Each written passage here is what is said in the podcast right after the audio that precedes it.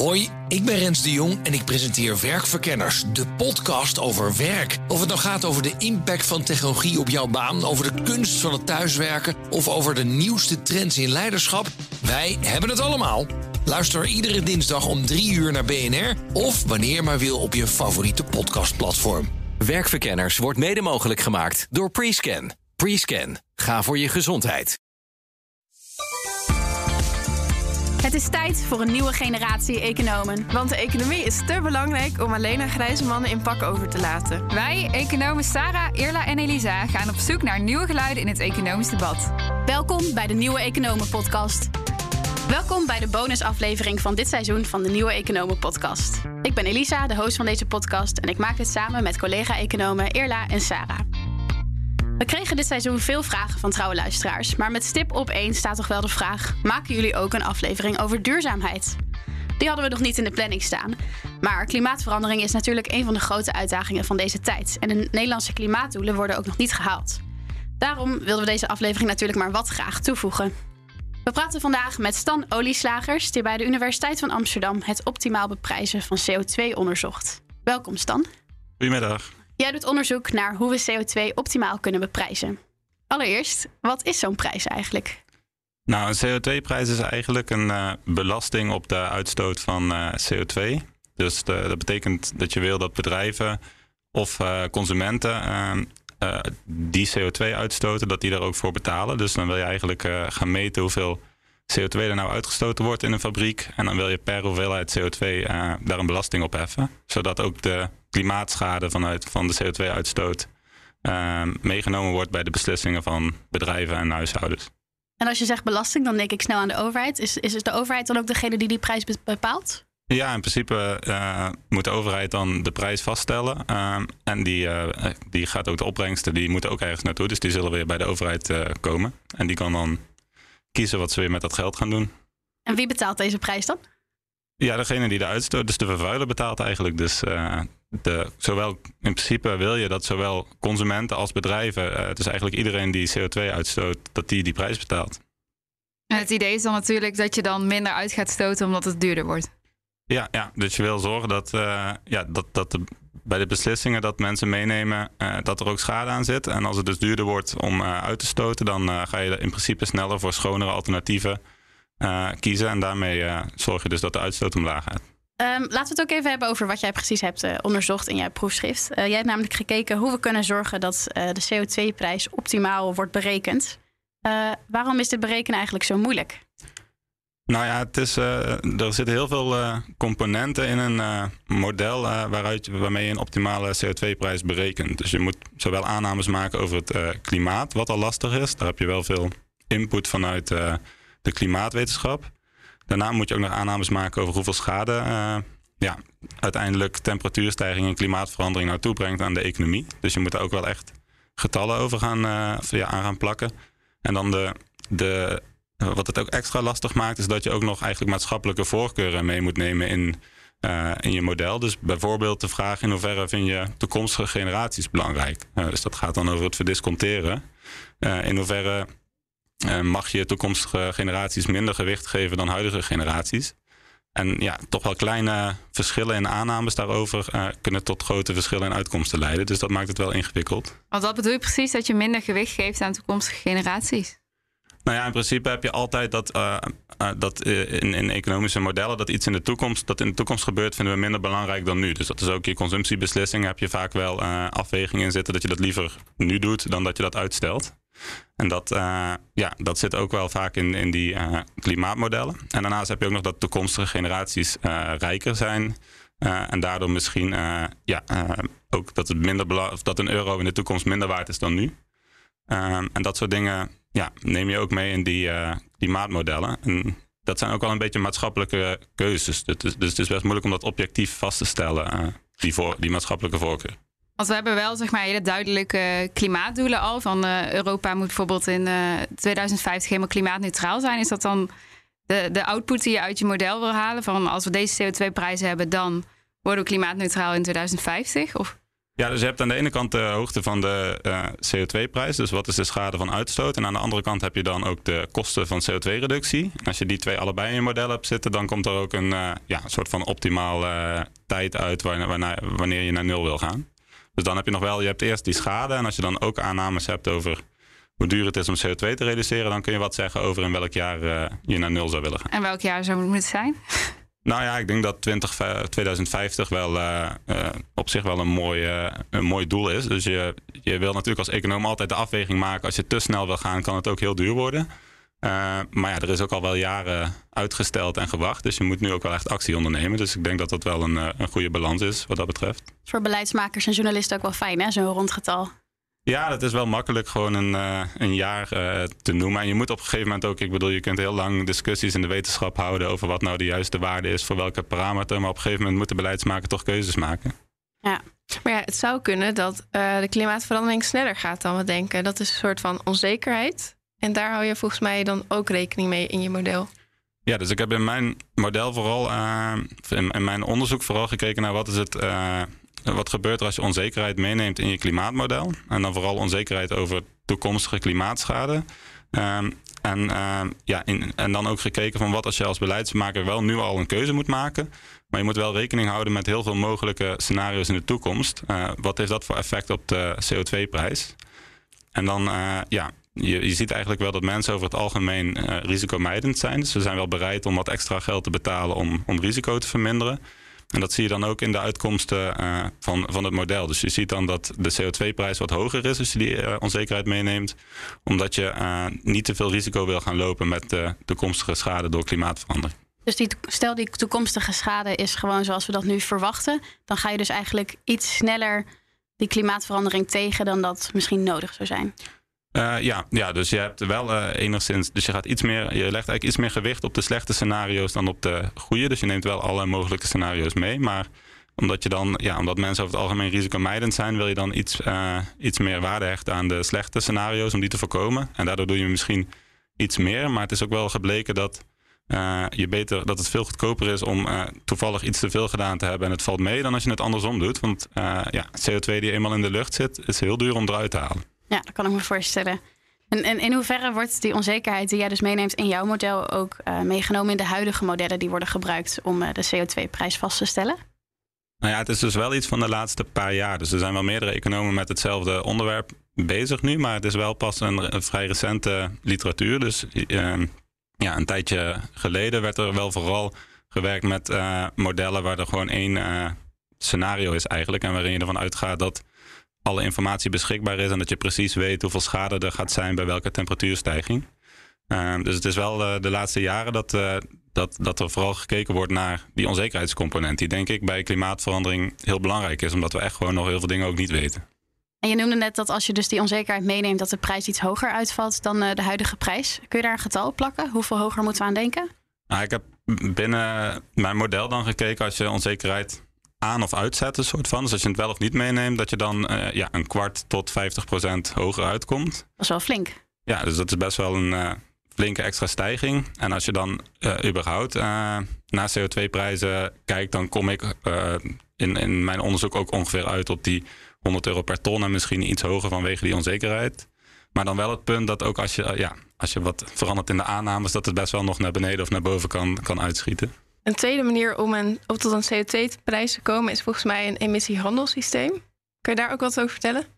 Ja, dus je hebt eigenlijk twee manieren om een uh, CO2-prijs dan in te voeren. Het ene is echt een, een belasting, waarbij je als uh, overheid gewoon vaststelt dat de prijs uh, een bepaalde hoogte heeft.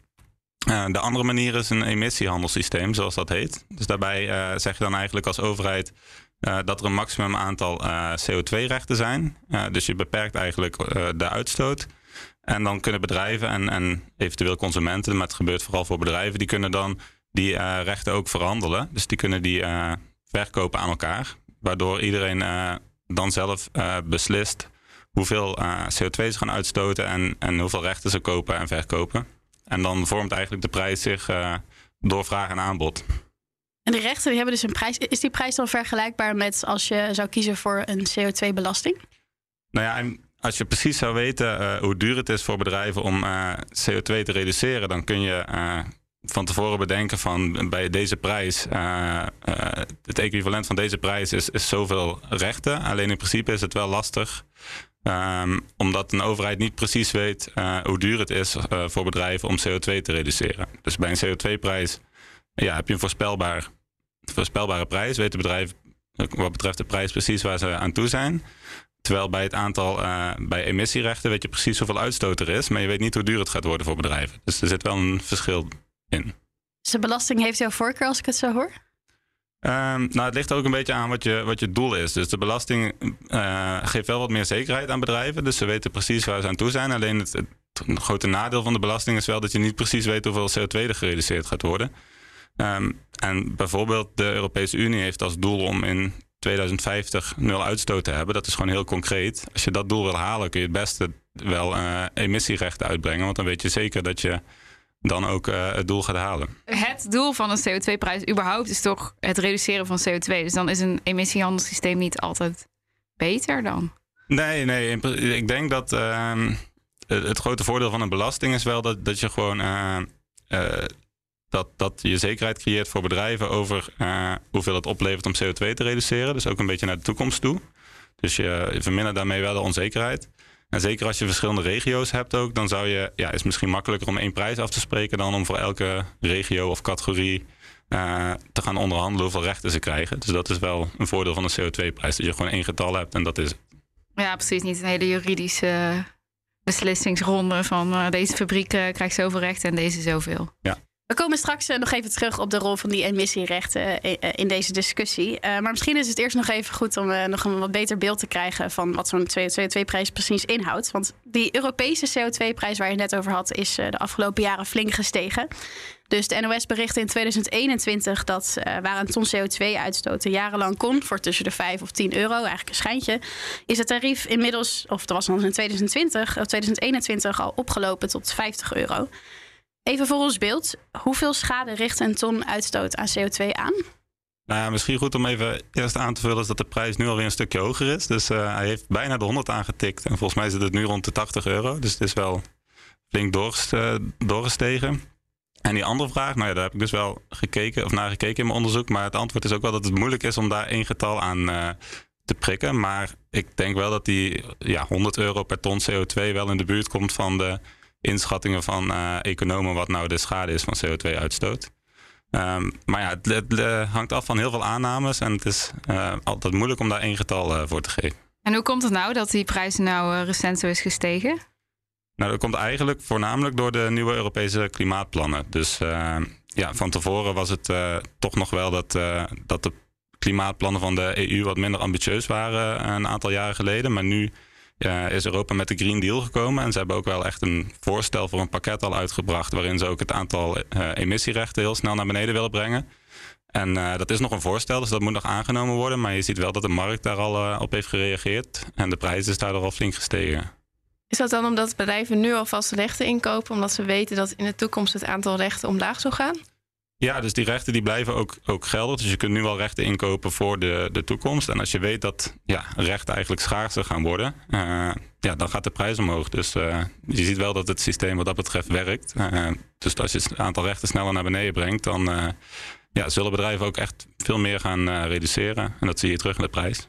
Een groot deel van de uitstoot in Nederland heeft nog geen of een te lage prijs, las ik vorig jaar in ESB. dat was een artikel van Herman Vollenberg en Corian van den Brink.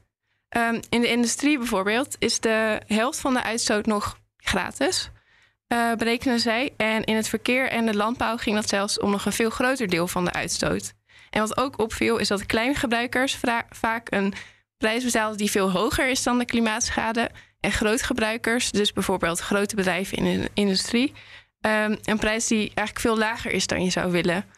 Um, kan, kan Nederland hier zelf wat aan doen? Of is het meer aan de EU om dan dus het Europese emissiehandelssysteem uit te breiden of om een hogere prijs uh, te eisen?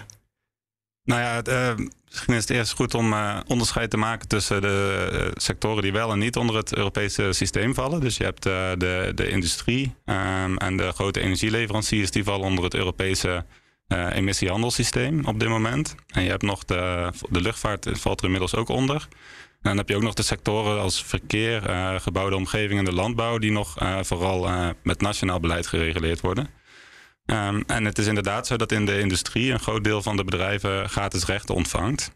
Maar dat is wel echt wat anders dan dat er geen prikkel is. Dus die, die bedrijven die hoeven in principe geen belasting te betalen, of een klein beetje. Ze krijgen het grootste gedeelte van hun uitstoot gratis. Maar ze kunnen die rechten ook doorverkopen. Dus er is alsnog wel een soort van winst als je je CO2 reduceert. Dus dat is wel net wat anders dan in die uh, andere sectoren. En dan heb je bovenop de CO2-prijs heb je ook nog de energiebelasting in Nederland. Dus bijvoorbeeld in, uh, in het verkeer, verkeerssector of de gebouwde omgeving heb je niet echt een CO2-prijs in Nederland, maar je hebt natuurlijk wel belasting op gas. en die verschillen heel erg tussen de kleinverbruikers, de huishoudens en de grote bedrijven. Dus de tarieven voor de huishoudens zijn veel hoger dan voor de bedrijven. En je kunt je wel afvragen of dat ja, vanuit klimaatoogpunt efficiënt is. En wat ook wel een probleem is in Nederland, is dat bijvoorbeeld de belasting op elektriciteit een stuk hoger is dan op gas. Terwijl ja, elektriciteit natuurlijk ook vaak groen geproduceerd kan worden. Dus dat helpt ook niet echt mee. Dus die energiebelastingen kunnen wel wat verstorend werken.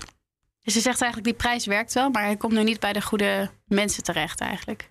Nou ja, het is, de, de prijsverschillen zijn eigenlijk te groot. Dus je zou dat wat meer gelijk willen trekken. Dus je hebt nou ja, de sectoren die onder een Europees systeem vallen. En dat is ook al wel een flinke prijs tegenwoordig. Die worden eigenlijk al in Europa gereguleerd. En dan zou je in die andere sectoren in Nederland ja, een wat meer gelijker tarief willen vanuit klimaatoogpunt. Maar bijvoorbeeld de industrie zit ook nog niet echt op het punt in Nederland om de klimaatdoelen te halen, toch? Um, nou ja, op dit moment Misschien nog niet, maar dat betekent dan dat het uh, qua Europees, uh, als je het vanuit Europa bekijkt, dat het in Nederland misschien te duur is om je CO2 te reduceren. Maar van de andere kant uh, ja, vallen die wel onder het handelssysteem. Dus er zit gewoon een plafond op, het, op de uitstoot in Europa. Dus ze moeten daaraan voldoen op een gegeven moment. Dus die uitstoot moet naar beneden. Ik vind het toch altijd nog een beetje moeilijk te begrijpen waarom dus die gratis rechten dan toch een prikkel zijn voor bedrijven om te. Um, hoe zeg je, om in te zetten op minder CO2-uitstoot. Want ja, ze kunnen wel verdienen als ze die rechten verkopen. Maar dan moet de prijs wel opwegen tegen de kosten die ze moeten maken om het. Uh, dan moet de prijs wel hoog genoeg zijn, denk ik. Ja, in um, principe moet uh, elk bedrijf moet de afweging gaan maken van ga ik een uh, CO2-recht kopen of ga ik een, een, hoeveelheid CO2 reduceren. En de bedrijven die gratis rechten maken, die maken dan de afweging van hou ik mijn gratis recht of uh, ga ik hem verkopen en daarna CO2 reduceren? Dus in principe, uh, in theorie zou die prikkel hetzelfde zijn. Je ziet wel dat bedrijven die veel gratis rechten ontvangen waarschijnlijk een beetje luier worden, omdat ze het, ja, uh, het, het, doet natuurlijk meer pijn als het er bovenop komt. Dus ik denk wel dat, dat er wel wat verschil zit in de praktijk in hoeveel er gereduceerd wordt in de sectoren die veel gratis rechten krijgen en de sectoren die gewoon de rechten moeten kopen. Maar het is niet dat er helemaal geen prikkel is dan. En is het nou ook zo dat er echt grote bedrijven meer gratis rechten hebben? Nou, het gaat vooral op uh, sectoren. Dus uh, het is sowieso alleen dat alleen grote bedrijven onder het Europese systeem vallen. Dus kleinere bedrijven uh, die, die zijn eigenlijk vrijgesteld. En dan heb je de sectoren die gevoelig zijn, in ieder geval waarvan Europa heeft gezegd dat ze gevoelig zijn voor concurrentieverlies, dus voor concurrentie buiten Europa. die krijgen veel gratis rechten. Maar dat, dat, dat, is ook eigenlijk de enige reden, toch? Dat we die gratis rechten hebben om de concurrentiepositie te beschermen? Ja, dat is de reden inderdaad, ja. En dat gaat wel veranderen in de toekomst, volgens mij. Ja, dat klopt. Dus er zijn plannen om uh, in plaats van de gratis rechten... om een soort van importheffing in te gaan voeren... waardoor je een gelijk speelveld wil creëren tussen bedrijven in Europa... en bedrijven bijvoorbeeld in Amerika die uh, hetzelfde product uh, produceren. En dat gaat dan vooral om een ja, aantal eenvoudige categorieën zoals staal en cement, uh, waar je ook makkelijk CO2-inhoud kan meten. Daar willen ze dat voor invoeren en dat wordt dan ook wel echt een alternatief voor die gratis rechten. En ik denk wel dat het uh, efficiënter is. Dus er zitten wel wat nadelen aan gratis rechten. Uh, zoals dat die, dat die prikkels er wel zijn, maar misschien wel iets verzwakt worden. Dus ik denk wel dat het een goede zaak is als dat er doorheen zou komen. Ik denk ook dat we er steeds meer achter komen dat, dat die gratis emissierechten de industrie best wel veel kunnen opleveren. Ehm, die gratis emissierechten zijn namelijk jarenlang uh, erg breed uitgedeeld. En uh, CE Delft-onderzoeker Sander de Bruin die rekende in opdracht van klimaatorganisatie Carbon Market Watch uit hoeveel de Europese industrie tussen 2008 en 2019 verdiende. Dankzij dus die overvloed aan gratis emissierechten. Um, en het gaat hier dus om een bedrag van 30 tot 50 miljard euro. Uh, in hoeverre spelen die gratis emissierechten nou een rol in het debat van die CO2-prijzen? Is het nou een heel ander debat? Nou ja, het is wel een, uh, altijd een discussiepunt geweest, die gratis rechten. Um, en in principe werkt zo'n emissiehandelssysteem ook met gratis rechten. Maar het lastige in Europa is dat er een aantal sectoren wel gratis rechten hebben en andere sectoren niet. Dus je hebt in principe wel een plafond, dus je gaat je reductie wel halen. Maar nu heb je wel uh, misschien wat inefficiënties, omdat sommige sectoren er wel voor moeten betalen en andere sectoren niet. Um, en dat rapport heb ik ook even bekeken en daar uh, liet ze vooral zien dat, dat bedrijven um, de CO2-prijs wel konden doorberekenen in hun prijzen. En daardoor wat grotere marges konden gebruiken. Um, en van de ene kant is het wel goed dan dat de prijzen van die vervuilende producten wel omhoog gaan. Zodat consumenten dat wel meenemen in hun beslissingen. Maar uh, ja, je zorgt ook wel voor dat bedrijven weer extra geld verdienen. Dus het is ook een beetje een verdelingsvraagstuk van wie laat je betalen en wie niet. Dan heb je een beetje een dubbele betaling natuurlijk. Als, dan als je dan als bedrijf een gratis recht hebt en je laat de consument er alsnog voor opdraaien. Dat lijkt me niet zo eerlijk. Nee, dat klopt. Dus het is vooral een, een verdelingsvraagstuk van welke sector. Eigenlijk is, uh, ja, heb je voor de ene sector een belasting en voor de andere niet. Uh, de prikkel is er wel voor beide sectoren om te verlagen. Alleen, uh, ja, er gaat wel eigenlijk een impliciete subsidie naar een deel van de sectoren, terwijl andere sectoren ervoor betalen. Ja. En, en moeten we nou voor klimaatneutraliteit in 2050 helemaal af van de gratis emissierechten? Nou ja, in principe kun je het ook met gratis emissierechten wel halen. Dus het is niet per se, uh, okay. het is niet per se een uh, probleem voor je reductiedoelen. Maar het is meer een vraagstuk van. Uh, als je een belasting hebt, dan heb je ook weer overheidsinkomsten. Daar kun je ook weer andere dingen mee doen. Andere belastingen verlagen. Of die kun je in, in subsidies voor innovatie steken. bij gratis rechten verdien je er als overheid natuurlijk niks aan. En je creëert een beetje, ja, misschien relatieve voordelen voor bepaalde sectoren ten opzichte van andere. En je kunt je wel afvragen of dat eerlijk is. Maar het is niet per se dat je met gratis rechten je doelen niet gaat halen of zo. En heeft het ook nog gevolg voor innovatie? Want ik kan me voorstellen dat als jij uh, innovatief uh, wil concurreren met een bedrijf dat heel veel gratis rechten heeft, uh, dat, dat het dan moeilijker is. Ja, maar in principe heb je wel dat alle sectoren of gratis rechten hebben of niet. Dus je concurreert niet zo snel met een bedrijf uit een andere sector. Nou, stel je bent dus een echte technische bolleboos en je hebt iets uitgevonden waardoor je uh, staal kan produceren zonder uh, CO2 uit te stoten. Uh, dat is er nu nog niet volgens mij, maar nou, wie weet in de toekomst. Dan moet je wel concurreren met de rest van de sector met allemaal gratis rechten. Is dat dan die prikkel voor innovatie, wordt die dan niet een beetje geremd? Nou ja, je hebt dus wel het, het feit dat als jij een nieuwe techniek vindt en je kunt zonder CO2-uitstoot produceren, kun je al jouw rechten verkopen aan elke andere, elk ander bedrijf in Europa. En je krijgt gewoon per verkocht recht krijg je dan 100 euro. Dus je hebt wel op zich een, uh, een prikkel om uh, alsnog die innovatie door te voeren. Ja, want het levert wel geld op. Ik denk dat het vooral in het verleden een probleem was, omdat er te veel gratis rechten was, waardoor dus die prijs te laag uh, is geworden. Uh, waar nog bij komt dat uh, in, de, in, de, industrie ook die gratis rechten zijn opgepot. Dus ik las in de Groene Amsterdammer van vorig jaar dat we eigenlijk helemaal niet weten hoeveel rechten er nu precies in omloop zijn. Dat kan nog wel een probleem uh, zijn. Ik ben het ermee eens dat het belangrijkste is dat er een, een serieuze prijsprikkel is. En die was er heel lang gewoon niet. Met 5 of 10 euro per ton. Dan gaan bedrijven niet echt grote investeringen doen in nieuwe technieken. Dus ja, ik, uh, ik heb wel het idee dat uh, met de huidige prijs dat er wel wat meer uh, prikkels zijn om dat wel te doen. In 2016 werd de Hoge Commissie rond koolstofprijzen, geleid door economen Joseph Stiglitz en Nicholas Stern, samengeroepen om te onderzoeken welke rol een CO2-prijs kan spelen in het behalen van de doelstellingen van Parijs. En zij vonden dat de CO2-prijs samen met andere beleidsmaatregelen de beste manier zijn om de doelen te halen. Daarbij vonden ze dat een heterogene prijs uh, geen probleem hoeft te zijn. Dus dat, uh, dat in armere landen kan de CO2-prijs bijvoorbeeld lager zijn. Bijvoorbeeld omdat die alternatieven om klimaatverandering aan te pakken goedkoper kunnen zijn. En ook uh, de ethische aspecten in landen met lagere inkomens complexer zijn. Ja, dat vind ik wel interessant, Elisa. Want ik zou juist denken, je wil een zo uniform mogelijke prijs over de hele wereld. Zodat zeg maar bijvoorbeeld Tata Steel, als die hier een hoge prijs betaalt, dat niet opeens in Zuid-Afrika gaat produceren, omdat de prijs daar lager is. Um, maar wat, denk jij? Moeten we prijzen zo uniform mogelijk maken of is er ook heterogeniteit mogelijk? Ja, ik denk dat je hier ook wel een beetje het verschil hebt tussen de theorie en de praktijk. Dus in theorie wil je het liefst gewoon in heel de wereld dezelfde prijs hebben. Um, en je wil natuurlijk ook rekening houden met inkomensongelijkheid. Of je wil ja, misschien dat de rijkere, landen toch wel wat meer uh, betalen aan de klimaattransitie. En dan kun je heel, in je model heel mooi zeggen, nou wat is dan optimaal? We doen één uniforme prijs. En je hebt soort van de Europese of de rijkere landen die geven geld aan de armere landen als compensatie. Maar in de praktijk ja, is het maar de vraag of zo'n soort opzet of, of dit soort beleid haalbaar is. En dan is het misschien een, ja, een oplossing om te differentiëren in, in CO2-prijzen. Nu heb je het eigenlijk ook al, omdat het gewoon een soort van uh, uitkomst vanuit uh, politiek is. Dat er in Europa nu een bepaalde CO2-prijs is die uh, ja, relatief hoog is. Terwijl in andere delen van de wereld er nog vrijwel geen prijs of een hele lage prijs is. Um, ja, je hebt wel altijd het risico dat bedrijven verplaatsen. Maar het is natuurlijk niet zomaar dat een bedrijf ineens in Zuid-Afrika gaat, gaat, zitten. Want je hebt ook wel voordelen in Nederland uh, qua vestigingsklimaat of in Europa.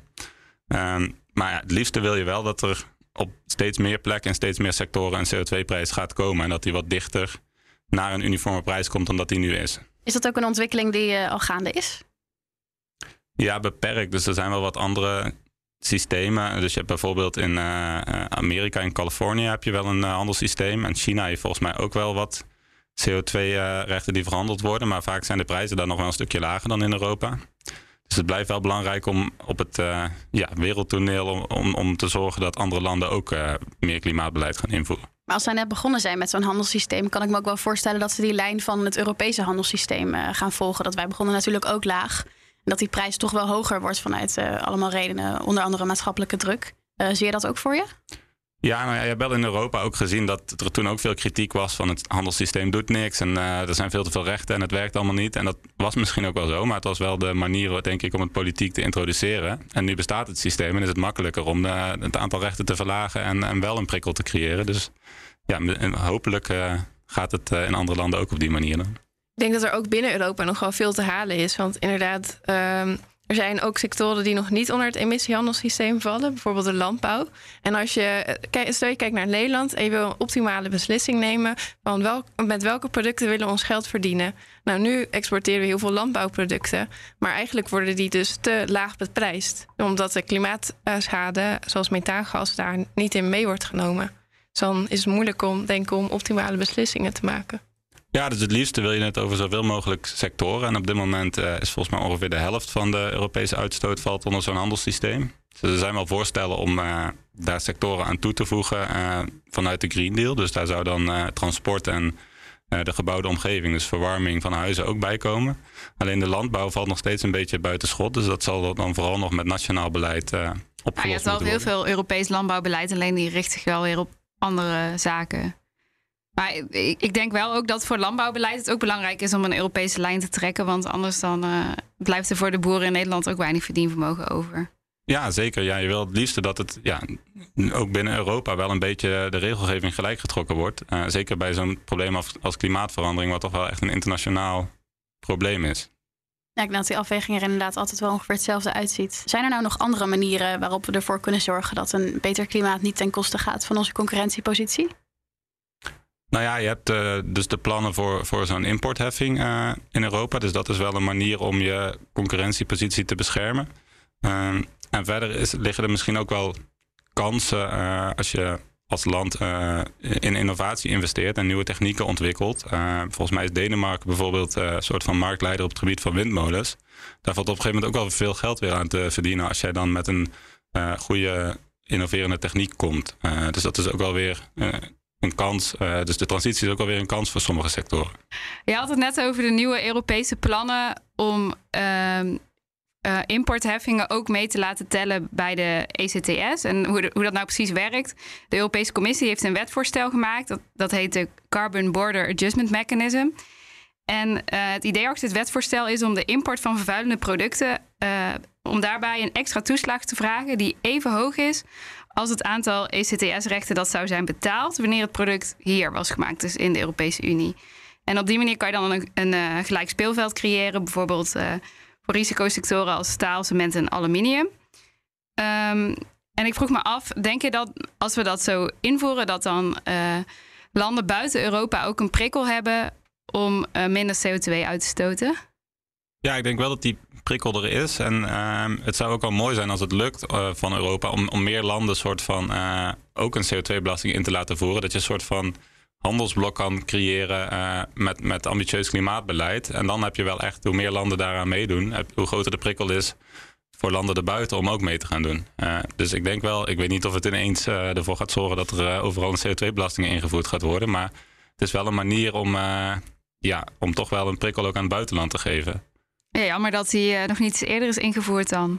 Nou ja, het heeft natuurlijk ook wel wat uh, haken en ogen. Het is wel een administratief systeem wat waarschijnlijk veel geld kost qua monitoring. En het is ook nog wel, het is nog een beetje de vraag geweest in hoeverre het allemaal legaal is onder de regels van de Wereldhandelsorganisatie. En je hebt natuurlijk ook wel een beetje het risico op een handelsoorlog, zoals we dat natuurlijk met Trump ook al wel een beetje zagen met tariefverhogingen. Dit is natuurlijk ook wel een tariefverhoging, dus het is ook niet zonder risico. Maar ik denk uiteindelijk dat het wel een ja, goede manier is en een betere manier is dan gratis rechten om je, je eigen industrie te beschermen. En de Wereldhandelsorganisatie heeft het nu goedgekeurd, toch? Het plan? Ja, in principe hebben ze dus, uh, ze wilden volgens mij uh, zijn ook nog, is er ook nog gepraat over exportsubsidies. Uh, dus dat je exporterende bedrijven uit Europa een subsidie geeft om naar het buitenland te exporteren. Dat is volgens mij er niet echt, eh, dat is volgens mij juridisch niet haalbaar gebleken. En de importheffing is volgens mij wel, ik weet niet of het al goedgekeurd is, maar ik heb wel het idee dat dat wel door de regels gaat komen. Ja, nu moet alleen het Europese parlement er nog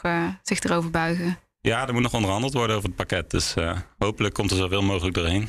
Ik heb sowieso het idee dat, uh, dat economen altijd wel, uh, dat, dat economen al best wel een lange tijd roepen voor zo'n hogere CO2-prijs. Nou, die is er natuurlijk ook recent gekomen. Waarom denk je eigenlijk dat het zo lang heeft geduurd?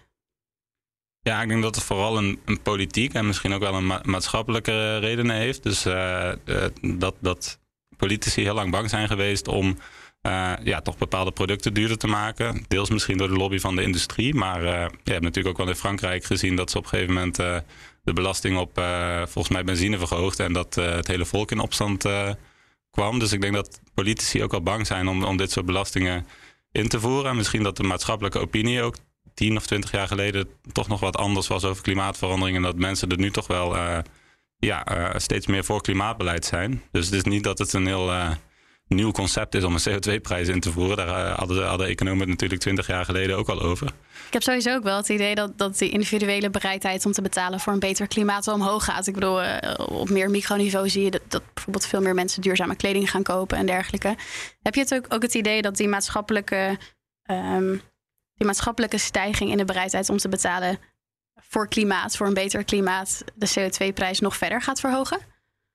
Um, ja, ik weet niet. Ik denk wel deels dat het, dat het zo is dat mensen uh, wat, wat meer bewust ook keuzes maken, zelfs buiten uh, de prijsverschillen om of iets duurzaam is of niet. Maar ik denk uiteindelijk wil je echt die transitie maken, dan moet je ook gewoon zorgen dat elektrische auto's goedkoper worden dan benzineauto's om echt iedereen mee te krijgen. Dus ik denk wel dat het deels natuurlijk helpt als uh, mensen er heel erg mee bezig zijn. Maar uiteindelijk moeten ook gewoon, ja, moet, moeten mensen toch de afweging maken waar ga ik mijn geld aan besteden. En dan helpt het wel als ook het groene alternatief steeds goedkoper wordt. Ja, dus je zegt eigenlijk die bereidheid om meer te gaan betalen, dat is leuk, maar uh, daar zouden we eigenlijk niet op hoeven moeten wachten. Ik denk niet dat je het daar alleen mee redt uh, met uh, ja, vrijwillige bereidheid van, van consumenten om groene keuzes te maken. Ik denk dat je ook gewoon die prijsprikkels wel nodig hebt. zie je nu ook bij vlees versus groenten in de winkel. Ja, precies. Al heb ik sowieso het idee dat dat wel echt een principieel vraagstuk aan het worden is. Maar er is ook wel veel kritiek op economen en onze Um, het idee dat we altijd zo inzetten op die prijzen. Van zolang je dingen beprijst, gaan bedrijven vanzelf optimale beslissingen maken, et cetera. Maar als de politiek dat dan niet wil, moeten wij e economen niet ook vaak met meer, uh, wat meer meedenken met de politiek en met alternatieven komen? En als je in het regeerakkoord leest van nou, we willen er vooral veel geld aan uitgeven, veel subsidiëren, dat wij meer nadenken over hoe kan dat dan zo efficiënt mogelijk? Ja, ik denk wel. Uh, ik denk ook zeker dat, dat je het niet helemaal hebt opgelost door maar een prijs in te, voeren. Dus je moet ook wel uh, nog extra aanvullend beleid gaan voeren als overheid. Maar ik denk wel dat ja, die prijsprikkel voor bedrijven toch wel nodig is ook. Wat zijn de alternatieven voor een prijsprikkel? Nou ja, je kunt natuurlijk als uh, overheid ook normen gaan instellen op allerlei. Alleen dat wordt al snel wat, wat complexer. Dus dan moet je voor elke industrie, moet je bijvoorbeeld voor de auto's gaan zeggen van we willen dat de uitstoot van auto's maximaal zo hoog is of, of, of nul is in dat jaar. En dan moet je voor elke industrie en voor elke fabriek eigenlijk gaan zeggen wat de uitstoot mag zijn. Dan zie je ook wel vaak eh, een soort bunching, toch? Dat mensen zo net voor die normen, precies tot die norm komen. Ja, en misschien aanvullend. Soms er zijn ook normen voor auto's, bijvoorbeeld bovenop een CO2-prijs. Dus het is niet dat dat per se slecht is. En het alternatief wat vaak genoemd wordt, is vooral veel subsidiëren. Dat, dat bijvoorbeeld groene energie heel goedkoop wordt. En dat helpt ook wel. Alleen dan heb je ook het risico als je dan niet die prijsprikkel hebt, dat, dat iedereen gewoon meer energie gaat gebruiken. Dus dan ga je ook gewoon heel veel uh, groene energie gebruiken. Maar dan ga je ook gewoon je auto blijven rijden op benzine. Of uh, misschien uh, bedrijven die moeilijk kunnen overstappen naar elektrisch, die gaan dan gewoon nog steeds olie of gas gebruiken. Dus ik denk wel dat je die, die prikkel nodig hebt. Maar het is wel goed dat er ook aanvullend beleid is, bijvoorbeeld om innovatie te stimuleren. Dus je hebt wel, ja, er is wel veel literatuur over dat als je dat helemaal aan bedrijven overlaat, dat er dan misschien wel te weinig innovatie is. Dus dat het wel goed is om in die vroege fase als overheid te investeren in, in, uh, in, groene energie. En ook wel maatschappelijk om uh, bijvoorbeeld de wat armere huishoudens ook mee te krijgen. Denk ik dat je daar ook best wel wat kan doen als overheid. Door bijvoorbeeld kredieten te verlenen of daar misschien wat steun aan de armere huishoudens te geven om hun huizen te verduurzamen. Dus er is zeker wel ook extra beleid nodig naast de CO2-prijs. Worden de inkomsten die de overheden, overheden uh, krijgen uit die CO2-prijs en CO2-belasting eigenlijk apart gezet om innovatie te subsidiëren? Nou, ze worden wel uh, het wordt niet uh, specifiek apart gezet, maar het is wel een soort van. Uh, je moet wel laten zien. Uh, volgens mij was het op dit moment nog de regel dat je de helft van de opbrengsten aan minimaal aan klimaatuitgaven moet uitgeven. En straks wordt dat de volledige opbrengsten. Maar het is niet dat je dat in een apart potje gaat zetten. Dus het komt volgens mij gewoon bij de overheidsbegrotingen bij. Maar je moet dan wel laten zien dat je ook evenveel miljard aan, aan klimaatuitgaven. of aan, aan klimaatgerelateerde maatregelen besteedt. En het gaat ook wel om steeds meer geld. Dus volgens mij was afgelopen jaar is er uh, eh, 900 miljoen aan inkomsten binnengekomen. En de prijs uh, is pas midden in het jaar gestegen. Dus als de prijs zo hoog blijft, dan ja, zullen die inkomsten ook nog wel blijven stijgen. Er zit nog behoorlijk wat potentie in dus. Ja, maar ja, je hebt natuurlijk ook best wel een flink klimaatfonds dat ermee gefinancierd moet worden. Dus, en ik ben ook nog wel benieuwd. we hebben het nu de hele tijd over energie en de prijs voor CO2. Maar er zijn ook nog best wel veel andere negatieve effecten voor het milieu. zoals bijvoorbeeld biodiversiteitsverlies. Uh, we hebben veel grondstoffenverbruik. We willen graag naar een circulaire economie. Uh, kun je daar ook een, uh, bijvoorbeeld een optimale prijs voor, voor grondstoffengebruik berekenen? Of denk je dat er een andere manier voor zou kunnen zijn om dat te bereiken? Nou, je hebt natuurlijk wel ook soms co-benefits. Dus als je iets aanpakt in het of ja, onder het label van klimaatverandering, bijvoorbeeld de omslag van, van auto's op benzine naar elektrische auto's, dan heb je ook minder luchtvervuiling. Maar ik denk wel dat het lastig is om een uh, soort van tegelijkertijd of in één keer een optimale mix van alles mee te nemen. Dus ik denk wel dat het het beste is om los naar al die stukken te gaan kijken. En als je bijvoorbeeld luchtvervuiling zou willen aanpakken, dan, uh, ja, dan kun je los beleid gaan voeren om, om dat te doen. Door bijvoorbeeld, uh, nou ja, dat hebben we natuurlijk ook gewoon al een belasting op brandstof of door een norm in te stellen. En bij biodiversiteit hetzelfde. Maar ik denk dat het moeilijk is om dat allemaal in één keer te doen. Ja, precies. Ja, je kan bijvoorbeeld bij die elektrische auto heb je ook wel weer heel veel gebruik van uh, kritieke metalen. Dat is dan misschien ook weer niet wenselijk. Maar je zegt eigenlijk voor elk doel één instrument. Ja, of in ieder geval, uh, ik denk dat het bijna niet. Je kunt dat sowieso niet echt in een model allemaal tegelijk stoppen en dan uh, de optimale mix uitrekenen. Dus dat zal toch iets ja, worden waar je dan een beetje een pragmatische keuze in moet maken. En dan denk ik dat het lastig is om alles tegelijkertijd te doen. Dus dat je het beter dat, dat daar los instrumenten voor kan gebruiken. Nou, genoeg te onderzoeken dan. Ja, zeker. Sander, je hebt een uh, achtergrond in de financiële wereld en de verzekeringswereld. Um, heb je, welke inzichten hieruit kun je eigenlijk, uh, welke inzichten hieruit heb je kunnen gebruiken in je huidige onderzoek? Ja, dus ik heb mijn master in uh, ja, wat meer de financiële modellen gedaan. En daar uh, ja, wordt vooral ook vaak gekeken naar uh, ja, onzekerheid. Hoe gaan mensen om met risico? in hoeverre zijn ze bereid te betalen voor, voor risico? Dat is natuurlijk ook het hele businessmodel van een verzekeringsmaatschappij. Um, en ik heb geprobeerd om die ideeën en die technieken dan toe te passen op, op klimaat. En, want daar heb je eigenlijk ook wel, ja, ook wel op een ander niveau, maar daar is ook veel onzekerheid. En daar heb, uh, daar heb je als maatschappij, moet je daar ook keuzes maken in hoeveel ga ik investeren in uh, CO2-reductie, waardoor je risico vermindert. Um, en hoeveel levert dat op? Dus ik heb wel geprobeerd om die techniek, of de technieken en de literatuur daar, daarover toe te passen op het klimaatprobleem. En je bent nu aan de slag bij het Centraal Planbureau. wat voor onderzoeken kunnen wij van jou verwachten in de toekomst? Ja, dus ik ben nog steeds uh, bezig met het uh, klimaatprobleem, dus dat is wel heel leuk. Um, en de focus lag in mijn onderzoek vooral op nou, hoe hoog zou de optimale CO2-prijs moeten zijn, dus hoeveel zouden we moeten doen. En nu ligt de focus wat meer op, nou ja, het doel is al bekend in Europa, we willen in 2050 naar nul gaan. Hoe kun je dat dan zo efficiënt mogelijk doen? Dus het is iets meer toegepast op Nederland, het onderzoek. Ehm, en, en vooral kijken naar wat voor soorten beleid heb je daarvoor nodig? Uh, naast bijvoorbeeld de CO2-prijs. En hoe ga je dat zo goedkoop mogelijk doen? Nou, ik zie het graag voorbij komen. Dit was nu echt de laatste aflevering van dit eerste seizoen van de Nieuwe Economen Podcast. Alle gasten heel erg bedankt voor de tijd en de kennis. En alle luisteraars natuurlijk bedankt voor het luisteren.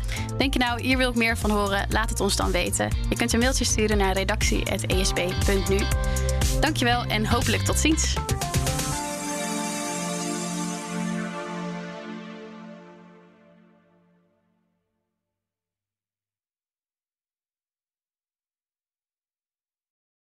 Hoi, ik ben Rens de Jong en ik presenteer Werkverkenners, de podcast over werk. Of het nou gaat over de impact van technologie op jouw baan, over de kunst van het thuiswerken of over de nieuwste trends in leiderschap, wij hebben het allemaal. Luister iedere dinsdag om 3 uur naar BNR of wanneer maar wil op je favoriete podcastplatform. Werkverkenners wordt mede mogelijk gemaakt door Prescan. Prescan. Ga voor je gezondheid.